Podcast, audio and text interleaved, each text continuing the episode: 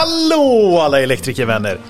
Tack till Schneider Electric som är våran supersamarbetspartner i detta. Verkligen. Jättekul att de är med och eh, det är roligt för de kommer ju släppa mycket nyheter genom oss här också Peter. Vi har ju redan lagt ut det på Instagram. Hela hösten är full av nyheter Ja. från Schneider Electric. Superkul att ni är med. Yeah. Håll koll på flödet på Instagram så får ni nyheter. Tack även till Viha. Ja, alltså vilka grymma grejer de har. Eller? Har du sett hur mycket det flödar på Instagram eh, om eh, deras verktyg? Många verktygskonton som lägger upp det nu. Skitkul alltså att det är så många som använder deras produkter. Mm. Jag tänker, ja Tim, vi ska faktiskt lägga upp en liten video också. Ja, ni ska göra det? Ja, när vi klämmer och känner lite och visar så vill man se mer vad vi har för grymma grejer. Följ oss då på Instagram. Jajamän, det tycker jag verkligen. Tack Jimmy för supporten också. Ja, verkligen. Han är grym. Och ring, tveka inte på att ringa honom och fråga vad de har. De har så grymma saker med momentmejslar och hela den biten. Mycket som vi har i vårt yrke. Att vi måste dra ett visst moment. Och det, det underlättar vardagen för Det oss så mycket. Till dagens avsnitt. Yeah! Anläggningsinnehavarens... Ansvar och skyldigheter egentligen går vi igenom. Vad, vad är en anläggningsinnehavare? Vem är en anläggningsinnehavare? Vet du det? Jag tänker att det är, är den du gör jobbet åt. Ja, du behöver in och lyssna. Peter! Ja, berätta. Nej men eh, nej, det, kommer vi gå igenom i hela avsnittet här nu. Jag kan inte sitta och berätta, då behöver ni inte lyssna på det om jag berättar nu. Okej, ja. jajamän. It's a cliffhanger. It's a cliffhanger. Det är ju mycket, vi, vi får ju mycket krav på oss, eh, vi får ju mycket krav ställda på oss elektriker. Men det är också skyldigheter och ansvar som anläggningsinnehavare för vi kommer i, i kläm ibland där att vissa beställare och anläggningsinnehavare inte riktigt vill ha det som lagen kräver ibland. Det tar vi upp här till exempel. Ja, eh, och självklart är ju Elma med oss. Jajamän. Som vanligt. De grymma instrumentleverantörerna alltså. Det, då det kommer också upp en liten video snart på Instagram när jag och Tim är och eh, mäter eh, lite Mhm. kontinuitet. Eller vi, vi mäter resistans rättare sagt. Och vi kommer förklara mer i videon. Väldigt Mm. Smart, intressant smart. faktiskt. Mm. Videos är bra. Ja, det är bra. Podd är också bra. Podd, podd är också jättebra. Eh, och grattis till alla vinnare Ja! utav Westahls arbetslampa. Boom, boom, boom. Hoppas den kommer till användning. Verkligen, den är grym. Vet du vad Robert, eh, min bror, använder den till häromdagen? När han skulle kolla s- eh, sina barns eh, tänder om de hade borstat Antal. dem tillräckligt bra. Nej. Eftersök på vildsvin. Den var grym. Okej, Ja. Där plockar med den. Jajamän. Ja, den låg på bygget. eh, Ha en väldigt bra vecka allihopa. ja, verkligen. Ja. Och sen kan jag faktiskt avslöja ytterligare en grej. Efter våran undersökning eh, om vilken grossist ni vill ha först Ja. ut i podden. Trummor. Trummor, trummor, trummor, trummor. Ahlsell tog hem den. Okej. Jajamän. Då är det en liten ping till Ahlsell då. Japp. Bra! Tack för detta gubbs! Lyssna och Och njut. tanter. Lyssna och njut ja. Hej! Hej, hej.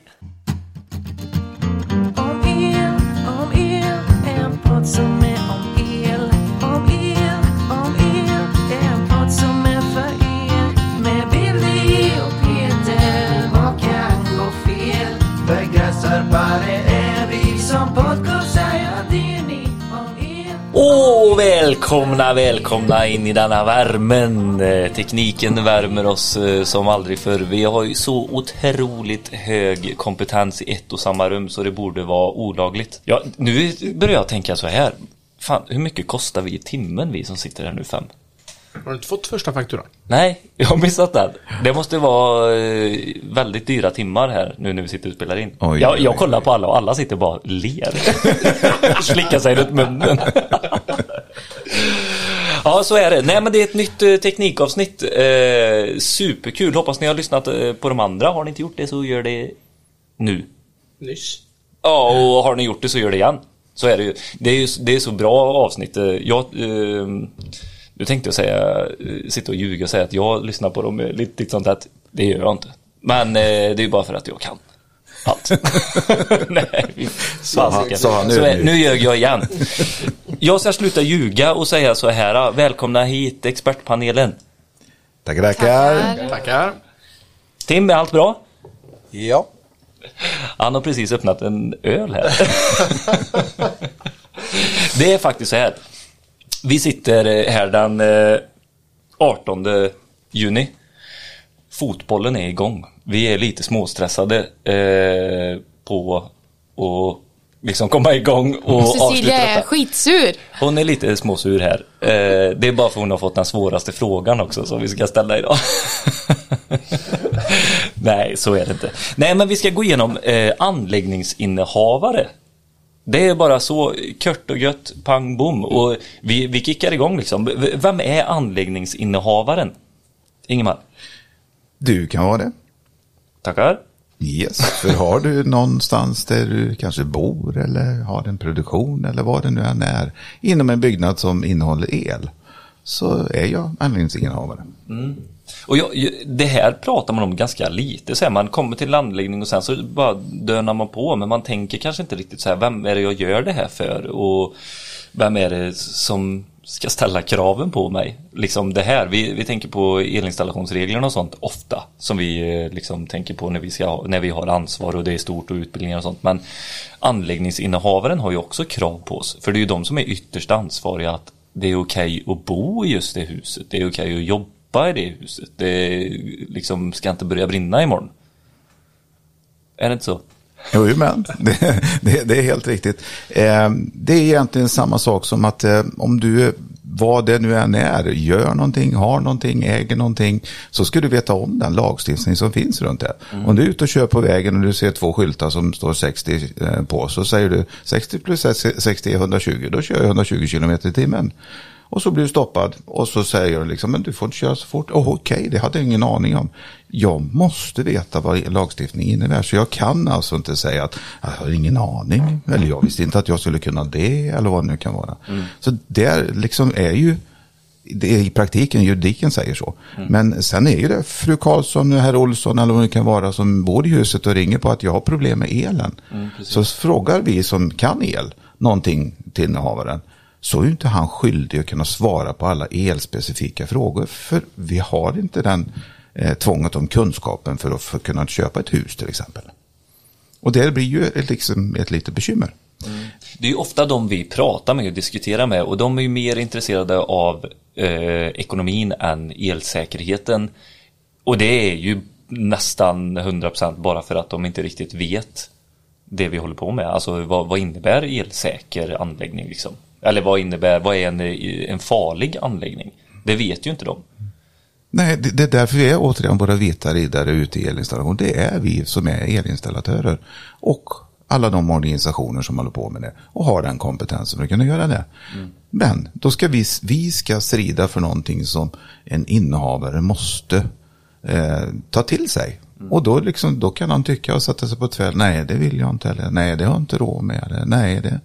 Och då, då får vi ta ställ- den ställningen och säga, nej, men då kan vi inte göra det. Men sen har vi affärsmässiga driv, drivningar i hela, jag ska tjäna pengar och allt möjligt sånt där. Så det här är inte lätt. Nej. Inte på något sätt. Men det är jätteofta vi får ta på oss rollen inom elinstallation och ställa oss och förklara och rita och skriva och pedagogiskt försöka förklara att ja men så här är det. Tim har ett case här som han ska eh, lyfta snart men innan han gör det så tycker jag att vi benar ut liksom det här med anläggningsinnehavare och anläggningsägare. Och, och har jag missat något eller? Ja, eftersom eh, de, de här definitionerna finns ju inte. Nej. Utan det är ju anläggningsinnehavare finns i lagstiftningen. Anläggningsägare finns inte i lagstiftningen. Utan en anläggningsinnehavare eh, har sitt yttersta ansvar eh, i att han äger eller har byggnaden. Men han kan sitta nere på Jamaica och eh, dricka drinkar och ha det gott. Men då måste ju någon se till den anläggningen som finns som han äger. Och det är då han kan delegera den arbetsuppgiften till någon som blir elanläggningsansvarig.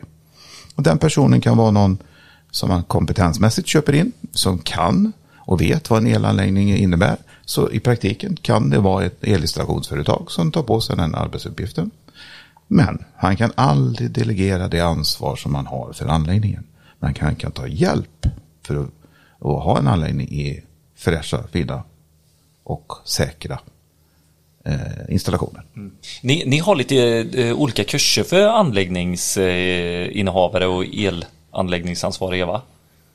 Ja. Vad är det för typ av kurser de eh, vill gå eller behöver gå?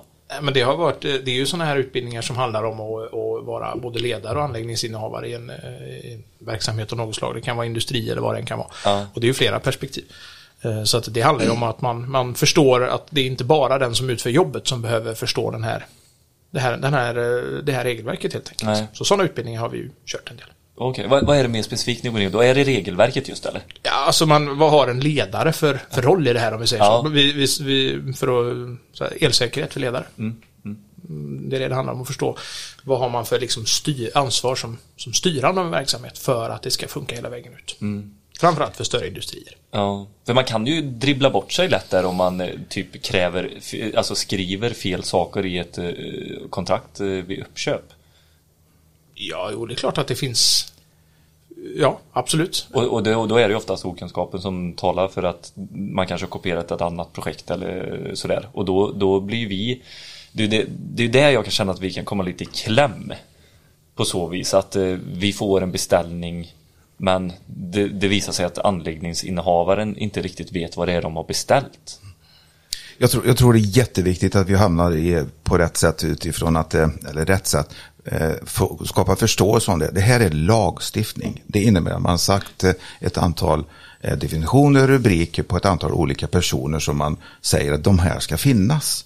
Eh, så vi, vi får skilja på liksom att lagstiftningsmässigt så krävs, krävs det av oss att veta om det här. Men sen blir det i praktiken, hur ska vi förhålla oss till alltihopa? Så den här innehavaren som skaffar den här elanläggningsansvarig, ja det gör man genom avtal. Mm. Så vi pratar juridiska handlingar, juridiska roller. Men, men just utifrån det här med att eh, vad ska jag kunna som eh, innehavare? Eh, och där har faktiskt, som Elsäkerhetsverket har ju det på sin roll, att skriva om de här föreskrifterna och, och det som behövs runt det. Men man har inte hjälpt en innehavare, vad behöver jag kunna? Om vi tar till exempel elinstallationsbranschen, där har man man varit jätteduktig att förtydliga vad är nu en elinstallatör för regel efterlevnad? Jo, det är en auktorisation och så sätter man kraven på det. Det här måste en auktoriserad kunna. Men en innehavare har liksom inget stöd utifrån Elsäkerhetsverkets sida. Förrän nu, för något, några år sedan, så kom en handbok för innehavare. Först nu har vi en möjlighet att kunna titta på vad är det jag ska kunna. Jaha, finns det alltså? Nu finns det en handbok för eh, innehavare. Ja.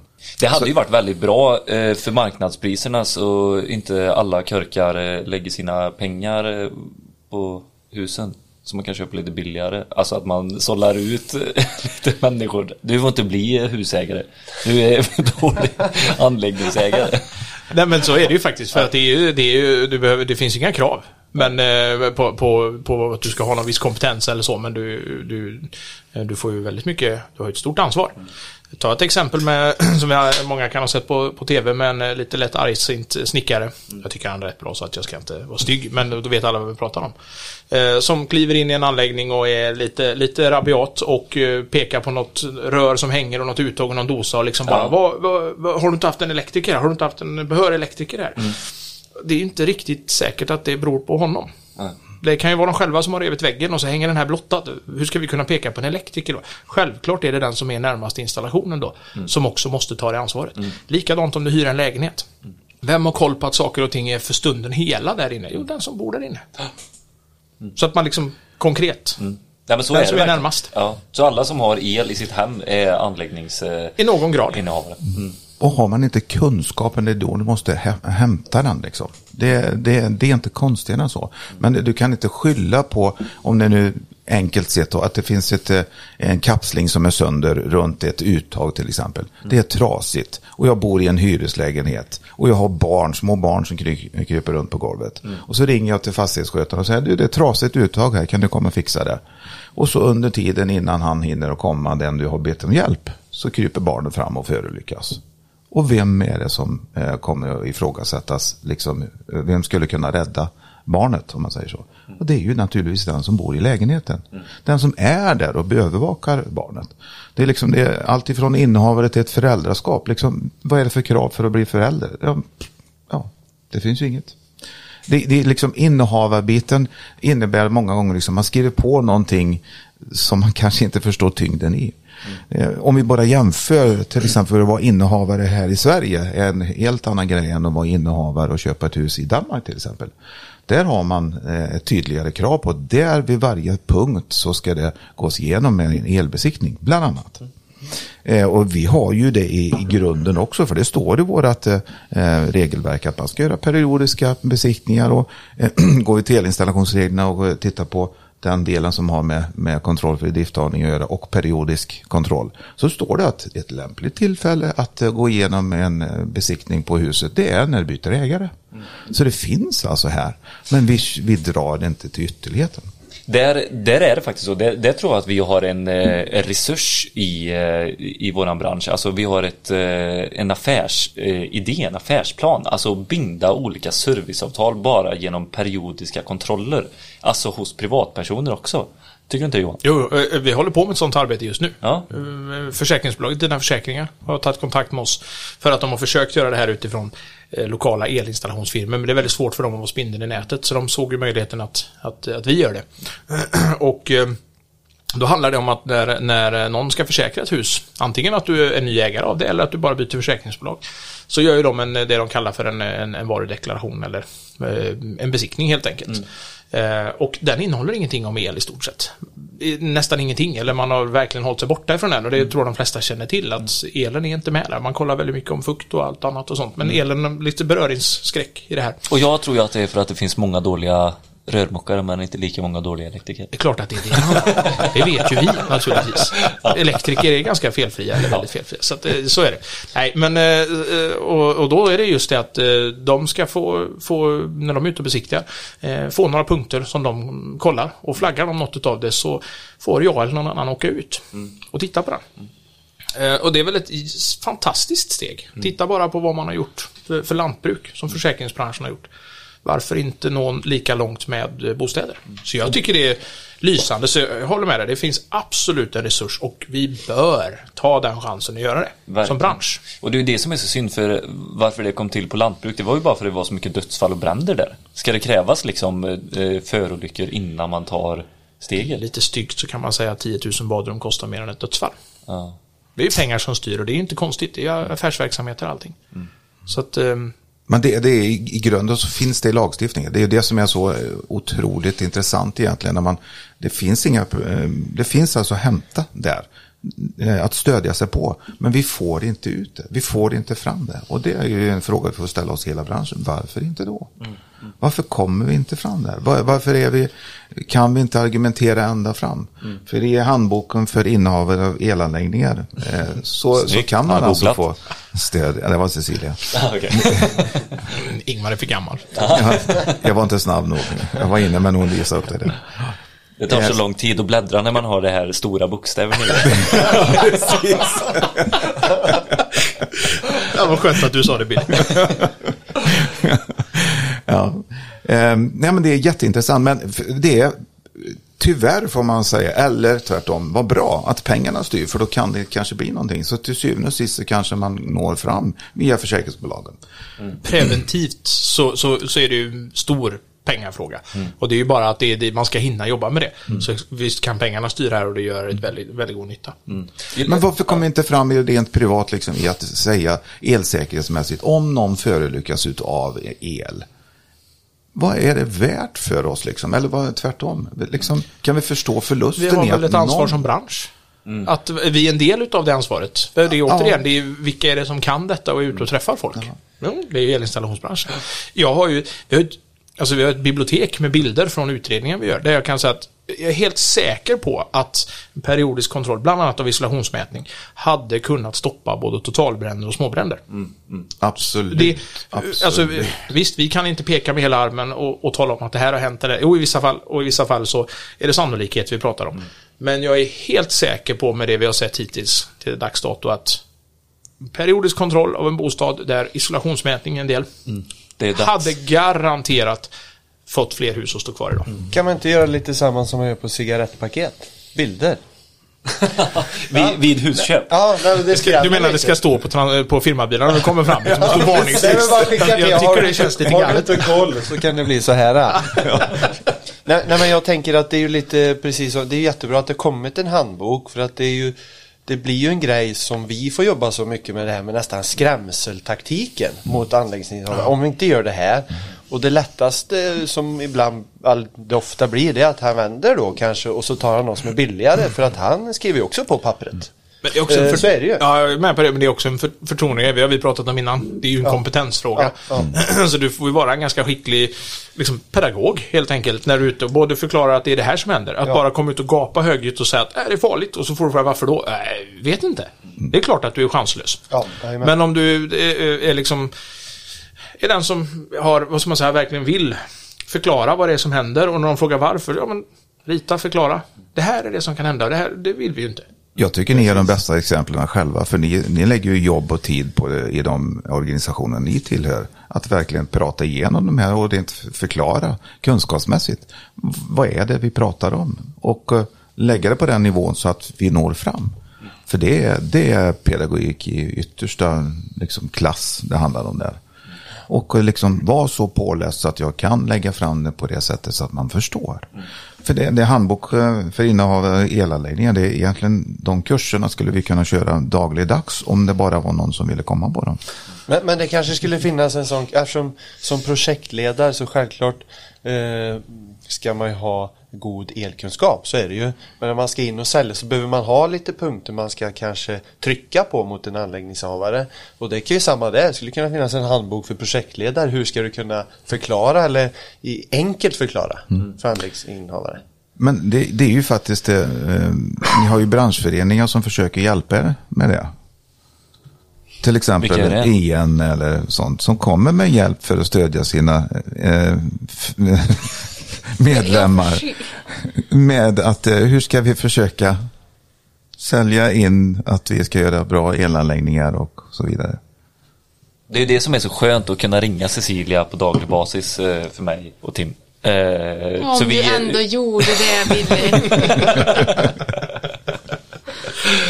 nej, jag ringer alldeles för lite. Så här. Ja. Men det är väl klart att det finns, alltså det är ju gemensamt. Det handlar om det säger ju vi också när vi kör utbildningar. Har vi möjligheten att svara på en fråga när den dyker upp, så ta ring. Testa. Kan vi inte svara, det värsta som händer är att du inte får hjälp just då. Precis. Men det är klart att vi, vi hjälps åt allihop. Och det finns ju som sagt var, det finns en massa bra hjälp att få i branschen. Av branschorganisationer, av andra företag som hjälper till med saker. Det finns eh, mallar, det finns dokument, det finns vägledningar, det finns artiklar, publikationer, allt möjligt som hjälper oss. Men vänta, här har någon faktiskt gjort en bedömning av den här frågan. Så här tänkte den här personen. Ja, Kan är hjälpa mig? Jag skulle faktiskt vilja ställa den frågan till er. Hur har ni, vad kan ni säga rent faktamässigt? Hur hur har ni nått fram med det budskapet ni har fört ut i er organisation? För jag tycker ni har lyckats jättebra. Ni har fått engagerade medarbetare, ni har fått ifrågasättande medarbetare, ni har fått eh, en massa frågor som ni inte haft förut. Vad är det som har gjort det? Jag skulle säga vårt egenkontrollsprogram. Egentligen. När de har börjat eh, ordentligt gå efter det. Så, alltså, vi har ju alltid mätt och så men eh, eh, Alltså mer detaljerat. Vi har djupdykt i det. Eh, och, och då kommer frågorna och eh, Då börjar vi ha väldigt intressanta diskussioner tycker jag. Och en helt annan nivå. Jag tror inte det handlar om egenkontrollprogram program överhuvudtaget, det handlar om er. Det är, ju, det är ju ni som har fört fram själva budskapet, för, skapar förståelse om det, försöker förklara, är, är aktiva genom att skaffa instrument, gå igenom instrumenten. Och, och liksom om ni själva känner att ni kommer till kortakommande någonstans så har ni kört en utbildning eller genomgång utav det. Men vi kan säga att vi eh, har haft hjälp av egenkontrollsprogram. Kan vi säga. Och luta oss emot lite. Daglig diskussion. Ja. Det är säkert, utan att jag känner till er verksamhet så, så gissar jag att det är det det handlar om. Att det kommer upp på agendan. Man pratar om det ibland. Eller hela tiden. Till och med i fikarummet. Ja, det är helt fantastiskt. Det, det är där det hamnar. För det är systematisering. E- Egenkontroll är bara en systematisering. Ingenting annat. Men du ska få det att funka i verkligheten. Det är en helt annan pilsner. Det, det är ju de eh, gamla hundarna som är svåra att lära att sitta. Så är det. Jag jobbar ju med Ingmar varje dag så att... Ja, du. Men han sitter fint nu. Ja, ja. Mer än en armlängds avstånd från mig ska tilläggas. Eh, jo, men jag har ju ett eh, case som jag kan berätta om och, och där vi jobbar i, eh, mot en anläggningsinnehavare. Eh, där vi ska renovera lägenheter och göra utökning och förändring i, i varje lägenhet. Eh, och vi börjar med det här arbetet. Under resans gång så upptäcker vi att ah, men här finns ju ingen jordfelsbrytare.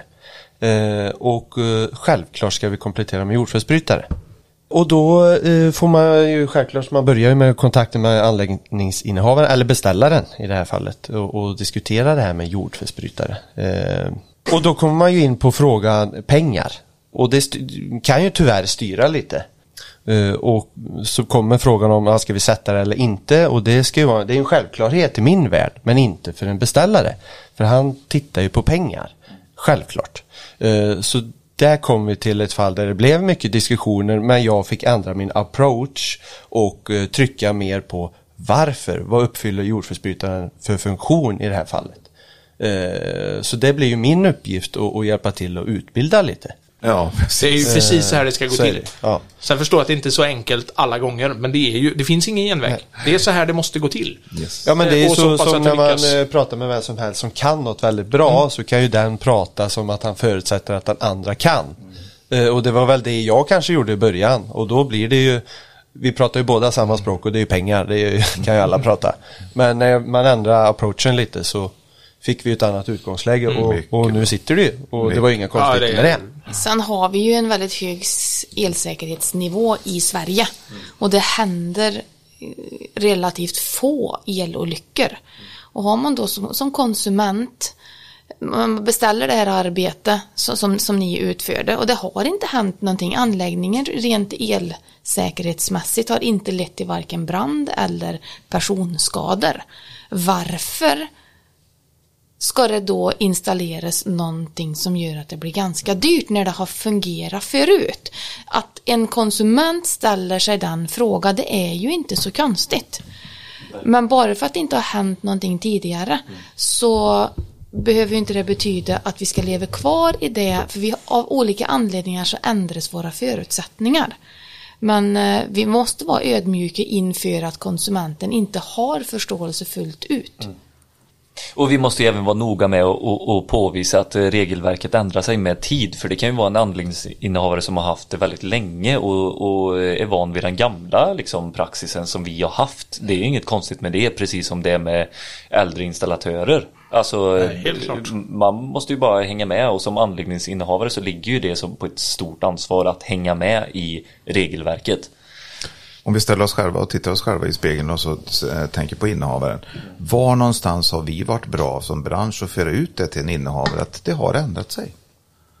Liksom det är andra förutsättningar nu. Och som vi tar in punkterna då, liksom, när ska man komma åt en anläggning ifrån branscher? Då? Det, det är ju till exempel när man byter ägare. Och det har vi ett gyllene tillfälle liksom, att kunna titta och, och rätta upp liksom, en förutsättning i en anläggning. Men Elsäkerhetsverket har ju kommit ut med en film som är till elanläggningsansvariga, höll jag på att säga. Och det är det ju, för det är ju anläggningsinnehavaren, alltså villor och sånt. Vad, vad får man göra själv, vad får man inte göra själv? Den är ju jättebra liksom när vi eh, pratar om det här. Vi, vi kan ju gå in på det med en gång. Eh, Det kopplar säkert du tänker på Ja, den. exakt. Den är ju det är jättebra bara. Du behöver inte säga så mycket, då behöver man inte skicka så många mejl mer än en länk. Titta på den här så, så tar vi diskussionen därifrån. Så kan man börja prata om det. De har ju gjort det bra också för de fick ju till och med pris för just den eh, kampanjen. Jaha. Ja, den är ju eh, till för oss att använda. Ja, och som tror du jag säger, gott exempel att kunna skicka ut den länken och tala om. Ja. Ta det först. Ja, men Diskutera precis. det sen. Ja, för det är ju, eh, vi får ju frågor från privatpersoner som har byggt ut garage eller något uthus eller sånt där och så har de dratt slangen för det tog lite för lång tid eller vad det nu kan vara. Alltså det är av olika anledningar så har liksom inte vi hunnit komma dit eller de har inte hunnit att ringa oss i tid. eh, Liksom. Det är ju en jättestor fråga och det är, det är ju det som jag, jag personligen, Billy Fransson och ingen annan, tycker att ah, det, slang, det är väl ingen fara. Och dra i lite tråd sen. Jag bara lägger bollen på planen. Så kan man väl nog enkelt tycka, men det finns ju en gränsdragning. Ja. Så är det. Eh, Och det finns saker som kan hända, men jag förstår att man kan tänka så, eh, vad, vad skulle kunna hända, men Mm. gränsen är ju dragen. Det är ju som så att eh, det är en del av basskyddet, den här slangen. Och om du väljer att dra kabel i då i sådana fall så, så, så kanske just den delen skulle vara okej, men då kommer ju nästa Mm. del att montera allt annat. Och, alltså, det är en gränsdragning som är, jag tycker den är ganska tydlig, men den hamnar alltid i diskussion. Ja, och, och jag tycker ju att den går att diskuteras för att det är ju just anläggningsinnehavaren som har gjort detta. Men Kanske om, in, ja, men om anläggningsinnehavaren hade varit medveten om vilka risker som det innebär, tror du då, Billy Fransson, att den skulle ha dragit den här, eller ha, ha monterat den här slangen då? Ja. Det tror du? ja, men jag tror det för det eh, alltså riskerna går ju att eliminera på andra skydd från våran sida.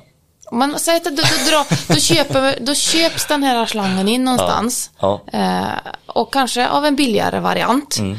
Och så kommer du eh, ifrån raksträcke till kurva. Mm.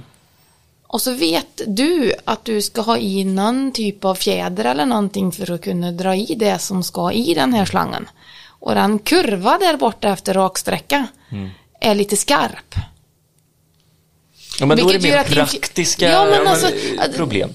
Ja, men det alltså- är praktiska problem, men det blir ju en följd av Jag det tror- jag- hela. det är väl det som är grundbekymret, att vi kan göra det till ett praktiskt problem. För det är därför argumenten finns. Och sen Yes. innehavare som inte vet, jag kan åka till, oavsett vilket av varuhus det är nu idag, köpa min slang. Jag kan köpa min FK, jag kan köpa och har inte grundkunskapen om en elinstallation så gör jag för att jag det på YouTube och Argan Snickaren. eh, Har man tittat då har man först fått på bastning, men man kan se det på var som helst. Så gör vi det till en praktisk handling som vi själva kanske tycker, ja men det är väl hur enkelt som helst att spika en kabel och lägga ett Det är ju det. Men det, är, det är ju svårt att spika en kabel.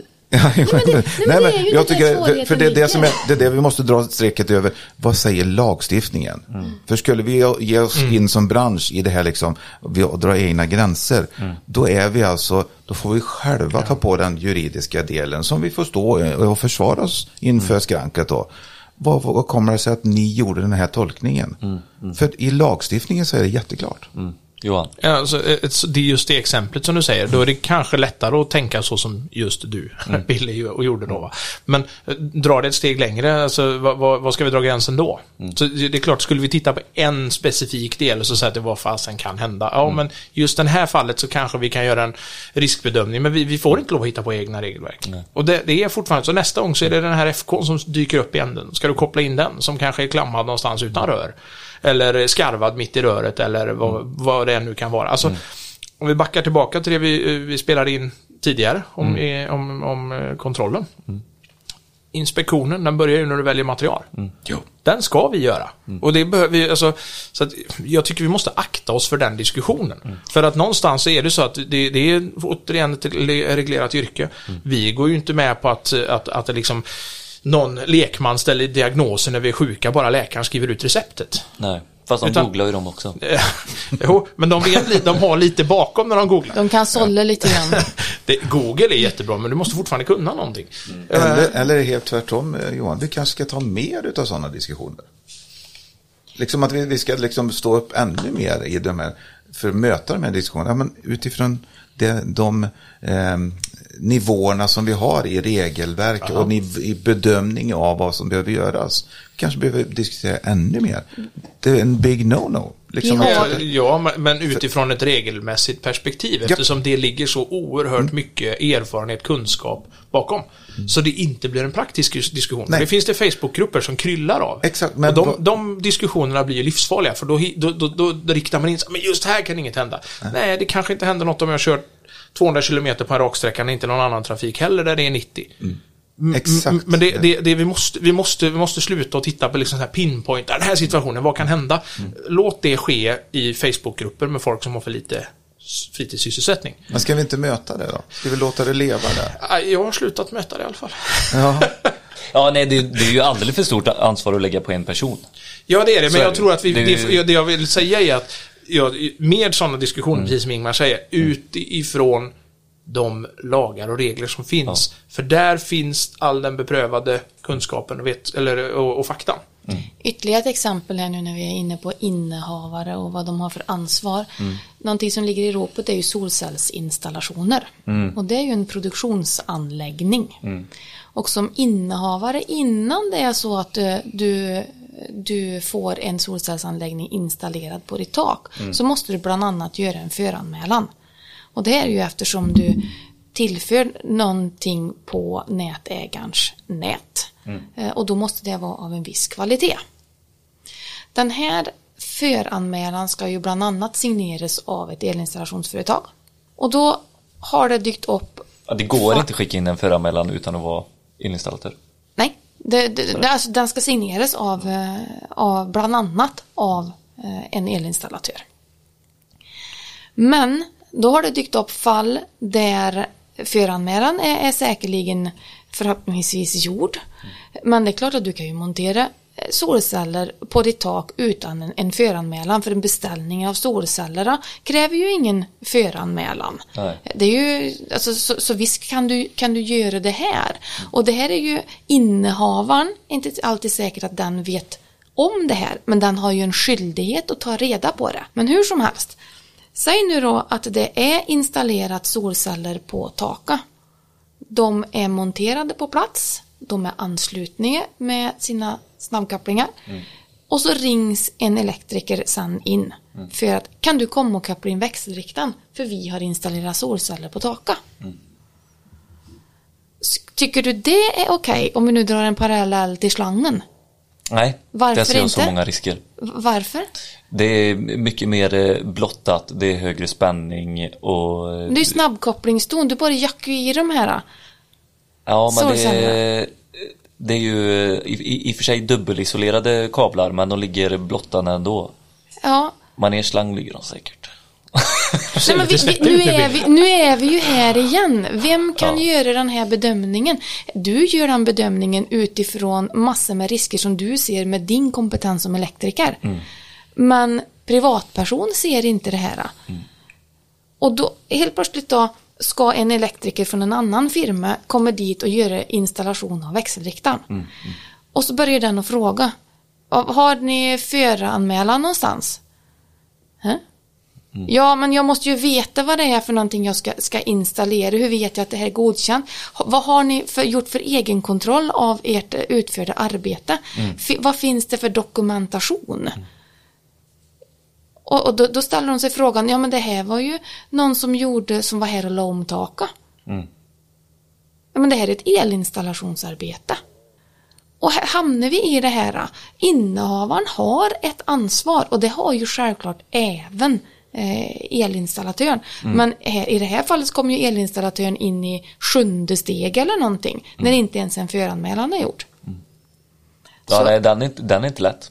Så är det. Den är lätt om man är påläst. Och man kan inte tro att det bara är att köpa saker eh, och få det installerat utan att man faktiskt kontrollerar tillverkarens anvisningar bland annat. Och vad gäller? Och det är ett elinstallationsarbete och montera fast solcellspanelerna på dess konstruktion. Men den är inte lätt för en elinstallatör. Du kommer till en kund som du har haft i tio år Mm. och, har, du har hjälpt så mycket på, eh, han äger en industri i stan och det är tipptopp och allt är super och så kommer du hem till han eller hon och så ska jag koppla in den här då och så kommer allt detta. Är det någon gång du hjälper den kunden så är det då. När du säger att det här kan inte jag gå i god för. Det är då du hjälper den här personen. Du hjälper inte den personen genom att göra installation. Nej, det är snyggt. Men full förståelse för att det är, man hamnar i den sitsen. Det är ett Ja, dilemma. absolut. Det går inte att sticka under stolen med och det är jättebesvärligt. Och vi är återigen där att ja, då är det väl bra dialog och hoppas att vi kan nå någon vart. Men det här har ju vi ett jätte, bland, annat installatörsföretagen har ett jättestort ansvar här, att nå ut till branschen för att informera om att det är så här det ligger till. Men samtidigt så måste ju branschen, nu när vi är inne på solceller, eh, ta ansvar och faktiskt när det kommer ny teknik så måste vi utbilda oss. Det är jätteviktigt. Ja, Det handlar inte om att det är jättesvårt. Det handlar bara om att få en förståelse för helheten. Och så kan vi köra vidare sen. Vi ska absolut inte bara ta på oss allt ansvar för det är jättestort ansvar på alla produkttillverkare också. Oh, ja. Eh, Eller eh, varuhus som säljer elmaterial och så. Och där är de mer eller mindre bra. För det står på hyllkanterna på vissa saker, liksom, de här produkterna får endast installeras utav behörig, som det ofta står nu då, men auktoriserad eller elinstallationsföretag. Ja, jag, det här, jag tycker det här är jätteintressant och jag är gärna det här svarta fåret som eh, eh, ifrågasätter Nej, men det är och, inget och sånt. svart får för det. Nej, nej, men... eh, Det är så det ofta är i Du våran vet ju hur mycket jag ifrågasatt eh, allting genom eh, åren. Min kära far Ingemar här, när jag gick i gymnasiet och... Alla ser ju hur mycket grå hår jag har. Ja. Ja, jo. Ja, inte i podden. Vi får lägga ut det. vi andra har kopplat ihop det här helt klart. Men jag ville ställa en fråga. Som elmontör eh, montör så grejer du mycket hemma i ditt hus, i din lägenhet eh, och sådär. Eh, du har ingen auktorisation. Vad vill du ha för Är svar? detta godkänt? Nej. Nej. Så länge du gör det på uppdrag av, av ditt företag. Där du till, ingår i ett egenkontrollprogram. Shoot. Men inte privat. Så det måste debiteras menar du? På något vis? För att vara eh, alltså, eh, registrerat? Då går de in på skatte. Ja, det blir, du får lägga ihop flera regelverk där. Det är väldigt svårt att Är det säga. inte en intressant fråga? Jo, mycket Ja, intressant Jag tycker det här är Mycket intressant fråga. Det är Ja. väldigt svårt att försvara att du gör det själv eh, hemma om Ja. du inte är auktoriserad. Om vi säger därför- så. Och vi Tim har ju köpt hus precis och han har ju väntat med att göra renoveringen Jo, men det vet jag Ja. Och snart är han ju klar. Jag är laglydig. Ja. Ja. Nej, men alltså, man kan ju tycka att det här är, är fjantigt. Eh, och, Mm. Det är lite det jag tänker på. Precis alltså- som med slangen. Ja, det kan också vara lite Nej, fjantigt. Billy.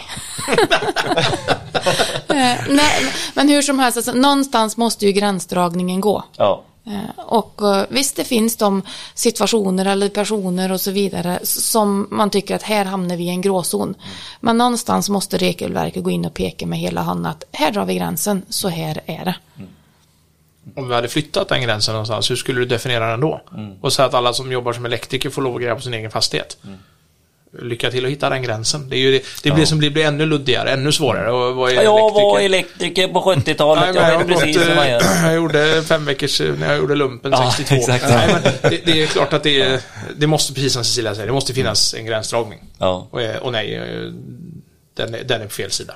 Och så har vi ansvarsbiten där igen. Mm. Vem, vem står för ansvaret då? Står du som innehavare att ansvara? Men Jag är du- ju en eh, elektriker som är innehavare här. Ja. Det är ju coolt. Ja, Det hur? en kompetent i- innehavare, helt klart. Ja, Precis. Du är inte en installatör. Vilket gör, vilket gör att jag kan smälla dig på fingrarna med linjal extra hårt eftersom det här skulle Du du ha vet vetat om. Precis. Men hur många tror ni kommer liksom ta till sig detta? Och inte greja eh, hemma eller hos eh, sina föräldrar eller hos Väljer sina syskon? Jag skulle vilja ställa 180, och vad är det som skulle göra att de inte skulle göra det? Liksom? Vad, vad, har, har de Enkelheten. fort? Jag kan, jag har ju kunskapen här, jag har verktygen där. Och, och gå vägen genom firman, eh, det känns onödigt. Ja. Och sen blir det till syvende och sist, precis som när, man har kört för fort, vad säger man till polisen då? Det är likadant här liksom. Om Mm. Jag trodde skulle inte ni var här. något. Nej, precis. Det brukar jag säga. Attans att ni var här just nu. Ja. Nej men jag tycker det här är jätteintressant och jag tror inte vi kommer komma jättemycket längre i den men det är ju, alltså det är ju Det finns reglerat. inget, alltså det finns liksom inte nå- något så jättemycket att säga. Att regelverket ser ut som det gör. Ja. Och fram tills dess att regelverket ändras så- så kan vi dividera i det här hur länge som helst. Mm. Men jag har en fotbollsmatch som jag vill titta på. Så är det. eh, Du Cecilia, nej. Då kommer vi till en, en eh, ytterligare eh, klurig fråga här tycker jag. Och det är just det här med servicejobb eh, när du åker runt och, och, och vad man har för eh, garantier på jobb som man utför utan upphandling. Och liksom vad, vad ingår i ett servicejobb hos en privatperson för garantier? Hos Hos privatpersoner, som, som, precis som du är inne på, så skiljer det sig en hel del ifall du gör det på en, på en större entreprenad. Så, så är det ju. Men just de flesta fall när vi gör någonting åt privatpersoner, då faller det under konsumenttjänstlagen. Och vad gäller installationstjänster så har de en ansvarstid på 10 år. Det här med garantitid är en helt annan sak. Det är oftast att vi säger garantitid men det innebär någonting annat. Vi har en ansvarstid på 10 år. Eh, garantitiden, alltså bevisbördan för att någonting har inträffat, det ligger när det gäller jobb mot privatpersoner på privatperson.